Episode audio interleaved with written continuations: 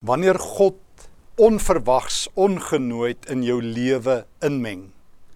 Ons wil almal God in ons lewe hê of wil ons regtig? Ek onthou hoe Job een keer vir die Here gesê het in Job 16: Ek het rustig gelewe, toe kom versteur U my rus.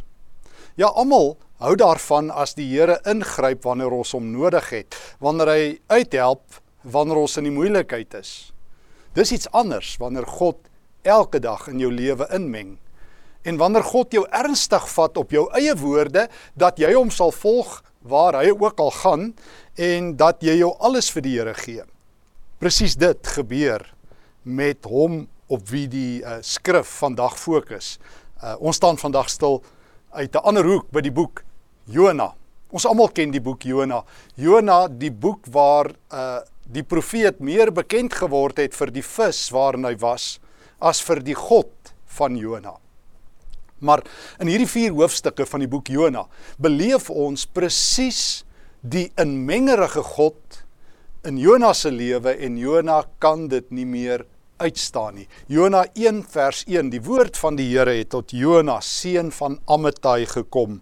Maak klaar, gaan na die groot stad Ninive toe en spreek hom aan, want ek weet hoe sleg hy is. Maar Jona het klaar gemaak om na Tarsis toe te vlug, weg van die Here af. Jona is Joppe toe en daar het hy 'n skip gekry wat op vertrek was Tarsis toe. Kan jy dit glo? God meng in. God se hart breek oor Ninive. Hy soek sy mense in Ninive en sy keuse val op Jona. Maar Jona is nie lus vir 'n inmengerige God nie. Jona sê nie op my terme nie, Here. En toe die Here sê, "Maak klaar," toe sê nee, dit sal ek doen. Gaan Ninive toe, toe sê Jona, "Nee, Here, ek gaan Tarsis toe of Tarshish in die Hebreëus." En daar klim Jona op 'n vinnige vlugboot weg van die Here af. Maar sien, hier's die probleem. Jy moenie dink as jy God uit jou lewe uitblok, dan is God uit jou lewe nie. Stop, kan ek dit gou weer sê? Jy moenie dink as jy God uit jou lewe uitblok, dan is hy nie meer in jou lewe nie. Groot fout. Jona maak die fout. 'n Vinnige vlugboot Tarsis toe, weg van God af. Verskriklike woorde. Rugkant eerste na God toe, gesig na 'n nuwe lewe toe. God soek Ninive, Jona soek Tarsis om weg te kom van die Here. En daar maak hy klaar en hy vlug sy boot, 'n passasiersboot, 'n vlugtelingboot en hy betaal en hy ry. En daar skud hy die stof van sy voete af, klaar met God. Losing my religion, soos wat die liedjie sou sê. Maar die Here, Jona 1 vers 4, maar die Here, hy laat 'n storm op die see kom. En ons ken die verhaal. Daar kom 'n sterk wind en die matrose almal roei laat dit klap En vers 5 lees ek in Jona 1 vers 5, hulle het die vrag oorboord gegooi, hulle tot hulle afgode gebid. Maar Jona was onder in die skip waarin hy afgegaan het om te gaan slaap. Hy het vasgeslaap vers 6. En die kaptein het na hom toe gegaan en vir hom gesê: "Wat is dit met jou dat jy lê en slaap? Staan op en bid tot jou God. Miskien sal hy aan ons dink, dan sal ons nie vergaan nie." Hæ? Hierdie is vir my van die slegste woorde ooit om te dink 'n heidense kaptein moet die man van God wakker maak wat God so uitblok dat hy deur 'n storm kan slaap. En dan moet die heiden die godsdienstige oproep om te bid. Hoor jy die ironie? Die vlugteling profeet, die profeet wat gesê het God, ek druk my vingers in my ore as u praat. Ek maak my oë toe. Ek weier om met u iets te doen. Ek slaap hier uit my lewe uit. Ek blok hier uit my lewe uit. Ek aanfollow u, ek aanvriend u, ek kry u weg. En dan kom klop die heidense kaptein en sê: "Praat met jou God asseblief." En toe word daar die lot gewerp en dit val op Jona daar op die skip. En onmiddellik wil die ouens weet: "Jona, hoekom het jy is jy op hierdie skip? Wat is jou keus?" En dan vertel Jona in Jona 1 vers 9: "Ek is 'n Hebreër." Ek dien die Here, die God van die hemel en die aarde. En hulle sou gesê het, "You must be joking." Jy sê eerstens jy's 'n volksman, jy's 'n Hebreër. En dan tweedens sê jy jy dien die Here. Jy jok, jy vlug. Jy is 'n vlugteling. Jy is 'n rugdraaier, 'n rugsteker, 'n slaper, 'n uitblokker van God. En ehm um, uiteindelik besluit uh is die besluit dat Jona moet oorboord, maar eers probeer die matrose om die skip te red. Hulle wil nie Jona oorboord gooi nie. En hulle roei al hoe harder lees ek in Jona 1 vers 13. En uiteindelik, kan jy dit glo? Hoor wat gebeur. Vroer bid hulle tot die heidense afgode. Maar nou in vers 14 van hoofstuk 1, toe bid hulle tot die Here en sê: "Ag Here, moet ons nie laat vergaan oor hierdie man nie. Moenie dat ons iemand onskuldig doodmaak nie. U is die Here. U doen wat u wil." Hulle vat toe vir Jona en gooi hom in die see. Die storm het bedaar. Die manne het toe baie bang geword vir die Here en hulle het vir hom 'n offer gebring en geloftes afgelê. Jona is op 'n vinnige boot weg van die Here af. 'n Vlugboot. Hoor daar's baie bote waarop mense is. Party is op passasiersbote, ander is op reddingsbote, uh ander is net op 'n lekker cruise, soos die Engelse sê. Jona is op 'n vlugtelingskip en dan gooi die matrose hom oorboord. Maar God meng in. Onthou jy? In Job kon dit nie vat nie, in Jona kan dit nie vat nie, maar God meng in. Dis 'n risiko om te sê jy dien God. Dan gaan God in jou lewe inmeng. Jy gaan nie God net isoleer tot Sondaagoggende 9uur vannag nie. Jy gaan nie God isoleer net tot 'n vinnige gebedjie vanaand en môreoggend nie. God is 'n inmengerige God. Hy uh, hy raak betrokke Hy is betrokke en sy hart breek oor sy profeet en oor Ninive en oor die matrose op die boot. Jy moenie dink as jy 'n 'n detour, 'n ompad, 'n wegpad, 'n afdwaalpad, 'n verloor pad vat dat God nie ook daar is nie. Jy moenie dink dat as jy op 'n boot is weg van God af, God is nie ook aan boord nie. Jy moenie dink as jy God uitgeblok het dat God weg is nie, God is aan boord, selfs van 'n vlugtelingboot. En selfs op 'n vlugtelingboot gebruik God Jonas se sonde om die matrose tot bekering te bring. So God sal jou gebruik ten spyte van jouself as jy nie oppas nie. En hy doen dit. Ek het dit al beleef hoe God my ten spyte van myself gebruik. Ek kry skaam daaroor. Maar God is nie verleë nie. God is nie net afhanklik van wanneer ek nou kies om hom te dien, dan gebruik hy my nie. God is nie uit my lewe wanneer ek hom uitblok nie. Hy's altyd daar. Hoor die Here se woord. God is in jou lewe al weet jy dit nie. God is oral al sien jy hom nie. Hy's aan die werk al weet jy dit nie. Hy is wakker al slaap jy. Hy is daar al vlug jy. En daarom red God die vlugtelingboot. Kan jy dink wat 'n getuienis het daai matrose gehad? Vertel van die vlugteling profeet wie se God ons nou leer ken het as die ware God. Hoofstuk 1, God is op die vlugtelingboot. Hoofstuk 2 van Jona, God is in die vis. Jona oorboord. Die vislik kom in die bekende verhaal. Toe bid Jona daar binne in die vis tot die Here, sy God. Hoofstuk 2 vers 1. Jona het gesê in my nood het ek tot die Here geroep en hy het my gebed verhoor. Diep in die doderyk het ek hulp gevra en U Here het my gehoor. Het my in die diepte gegooi, diep in die see en so wat daarop volg. Jona kom tot bekering.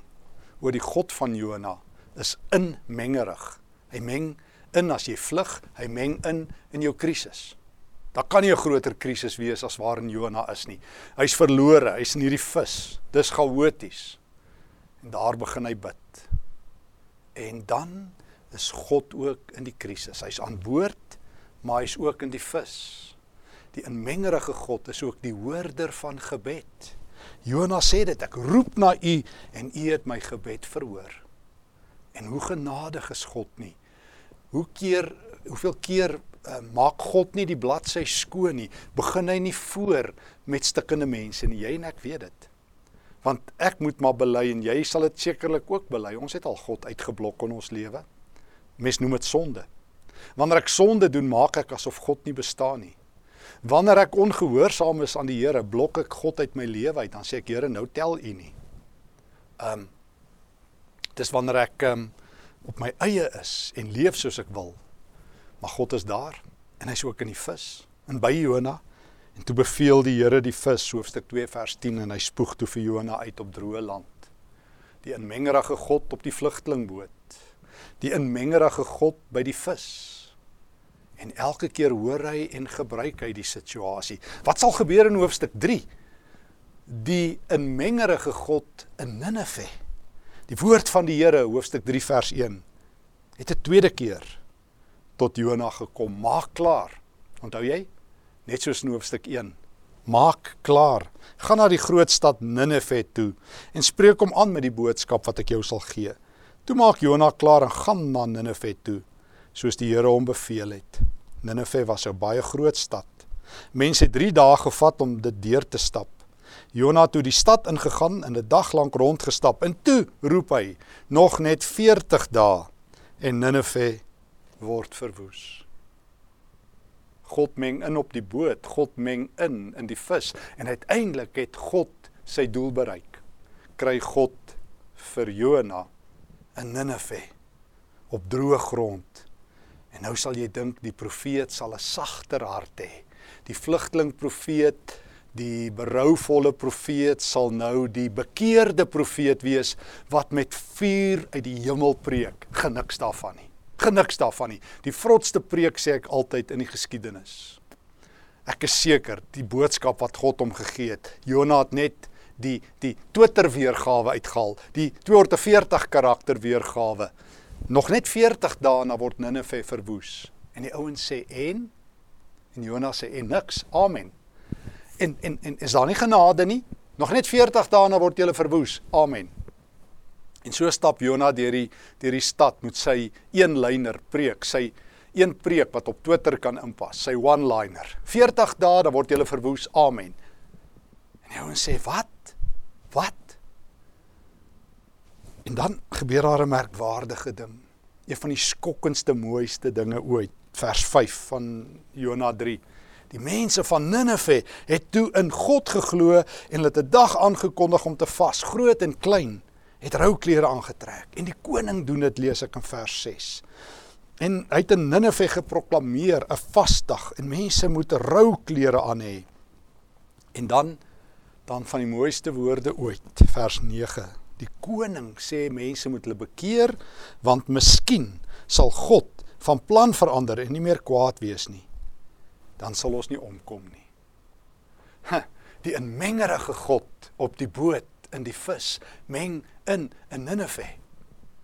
Hy meng in in die lewens van mense wat leef soos hulle wil. En die koning se hart skeur, miskien, net miskien sal God sy plan verander. En dan sal ons nie meer omkom nie. Hm. Wat 'n asemrowende God dien ons nie. Ek het so groot geword met hierdie idee wat so baie mense in hulle koppe het en en ek hoor nog by dit so baie by so baie mense. As jou streepie getrek is, sal is hy getrek. Wat moet gebeur, sal gebeur. Keise ra se ra. Uh, Daar's 'n doel met alles. Um everything happens for a reason. Dink jy miskien dit is die soort teologie van Jona? Glad nie.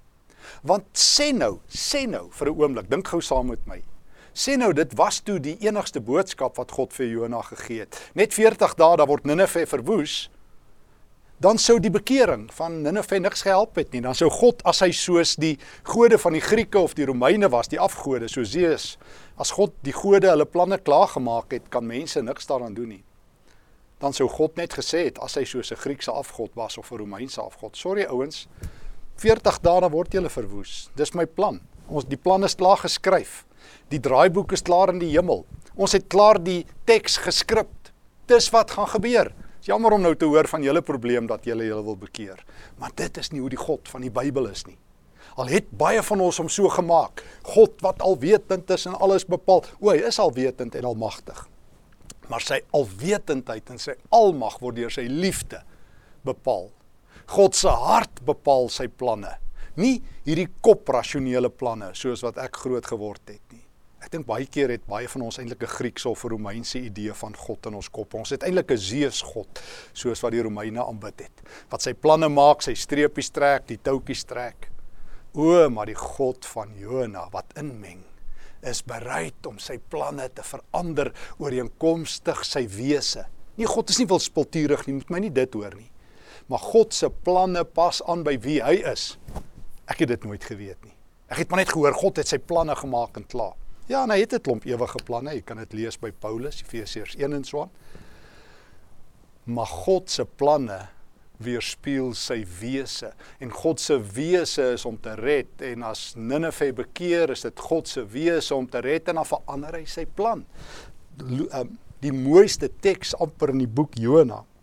Jona 3 vers 10. Toe God sien wat hulle doen en hoe hulle hulle bekeer van hulle verkeerde dade, het hy afgesien van die ramp wat hy gesê het hy oor hulle sal bring. Hy het die ramp nie gestuur nie. Oor die koning en die mense van Ninive verstaan God beter as die profeet van God. O godsdienstig is en ons wat die woord verkondig kan partykeer so hardvogtig wees. Ons kan so gewoond raak aan God. Ons kan so ons klein teologietjies in ons kop hê dat ons niks meer van God verwag nie dat ons maar deur 'n preek soos hierdie gaan en Sondag deur die kerk gaan. Ons kom ons pligte na. Maar wanneer God begin inmeng, wanneer God op 'n boot inmeng terwyl jy jou vakansie vat en jou weer aan diens sit, wanneer God inmeng terwyl jy verdrink en jou uitspoeg en sê gaan terug, my roeping het nie verval nie. Wanneer jy tussen 'n klomp heidene is en God sê ek gee vir hulle om en jy nie daarvan hou nie en hy sy plan verander. Ja wel, dan het jy met die ware God te doen. Dan val al ons selfgemaakte teologie in duie. Want die hart van God is belangrik.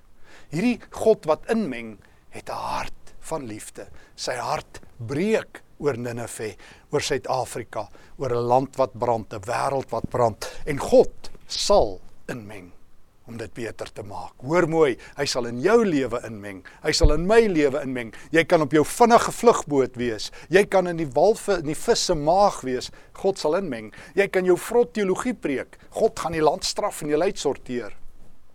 En as daar een nou is wat tot bekering kom, versag God se hart. O die inmengerige God is die God wat die vuur doodblaas. Dis wat Jesus kom doen het, onthou jy in Lukas 9 vertel hy. Hy het gekom om die vuur dood te blaas. Hoofstuk 4 van Jona. Hoofstuk 1 die vlugteling profeet op 'n vinnige boot weg van die inmengerige God af. Hy misgis homself. Hoofstuk 2 die God wat ingryp in die ingewande van die vis. Hoofstuk 3 die God van genade wat die vuur doodblaas. En dan word Jona kwaad. Hoofstuk 4 wat 'n tragedie. Die God wat inmeng in sy harde profeet se lewe. Jona was baie ontevrede en hy het baie kwaad geword lees ek in 4 vers 1 hy het tot die Here gebid en gesê en dan dan kla hy God aan. Ek het geweet dis hoekom ek pad gegee het.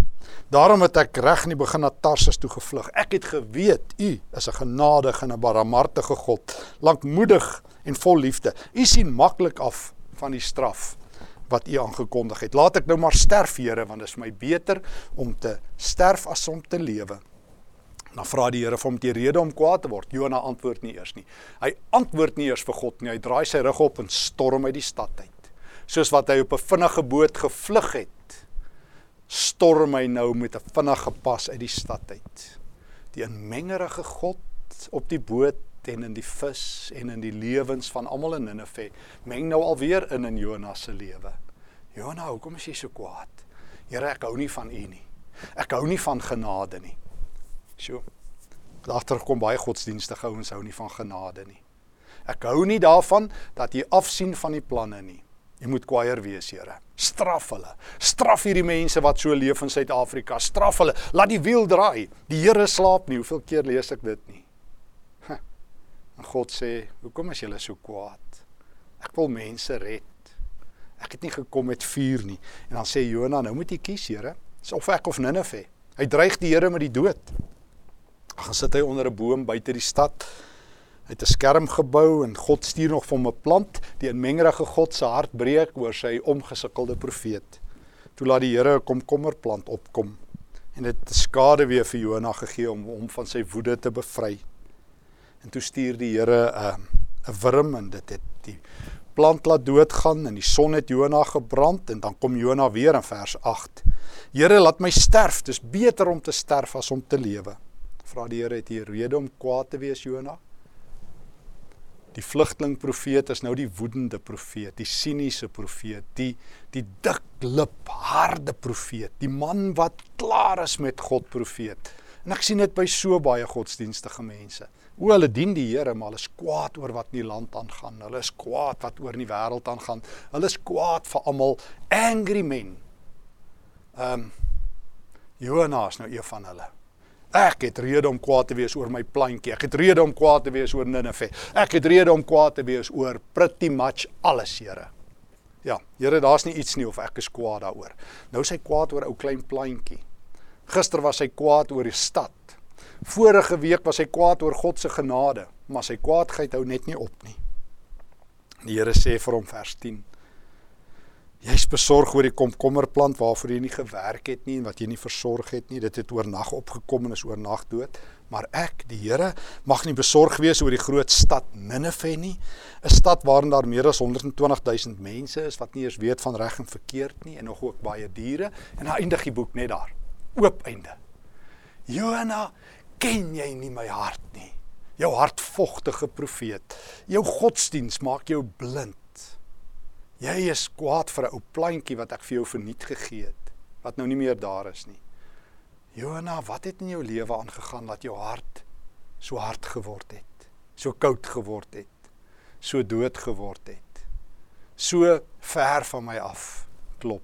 Johanna, Johanna, kry 'n sagte hart. Kry 'n hart van liefde, 'n hart van vleis. God meng in as Jona vlug, hy meng in as hy in 'n krisis is. Hy meng in as Jona preek en hy meng in as Jona omgesukkeld en kwaad is. As Jona God dreig, u moet nou kies, u moet weerlig stuur. As jy hulle nie vernietig nie, laat my doodgaan en God weier. Want God hou van en Ninive en van sy moeilike profeet. Hy hou van en die jongste seun en van die oudste seun in die verlore seun se gelykenis. Baie van ons in Suid-Afrika is kwaad. Ons is kwaad vir die land, vir die chaos, vir die kerk, vir die virus, vir God wat nie gou genoeg ingryp nie. God is op die boot. God is by die vis. God is in Ninive en hy's ook daar waar die son my kop brand en ek net kwaad is en nie meer kan aangaan nie. En hy sê vir my, ek is die genadige God. Ek het julle almal lief. Die kruis vertel dit. Jesus se kruis dat ek julle liefhet, eindeloos liefhet. Ek het nie gekom om af te skryf nie, maar om op te skryf. Ek het nie gekom om vuur op Ninive of op Suid-Afrika te gooi nie, maar water.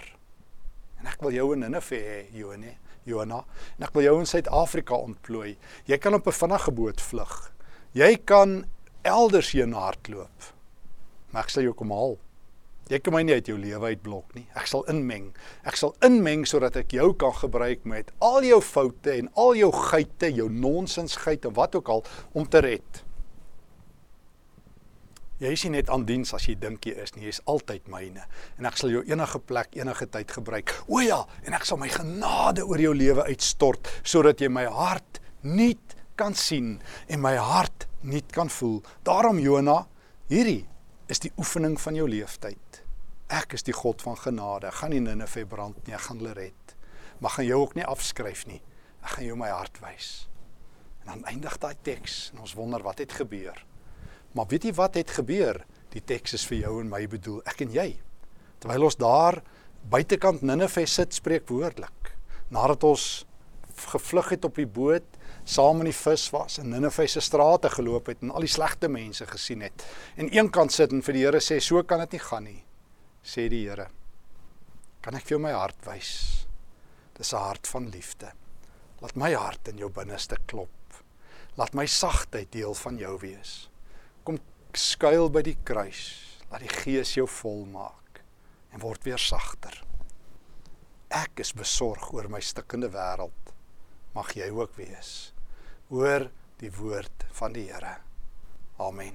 Dankie Here Jesus dat U aan die kruis gekom het om God se hart vir ons te wys. Dankie dat U hart klop met liefde vir hierdie stikkende stikkende wêreld. Dankie dat U ons meer liefhet as wat ons U liefhet. Dankie dat U die hoorder is van al ons gebede.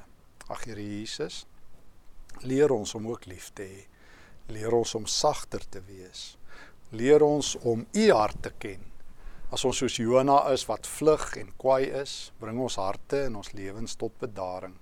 Ons kom sit ons lewens opnuut by U neer en vra vir die sagtheid, die liefde, die teenwoordigheid van die Heilige Gees in ons. Geef vir ons U hartklop, U oë, U lewe in Jesus se naam. Amen.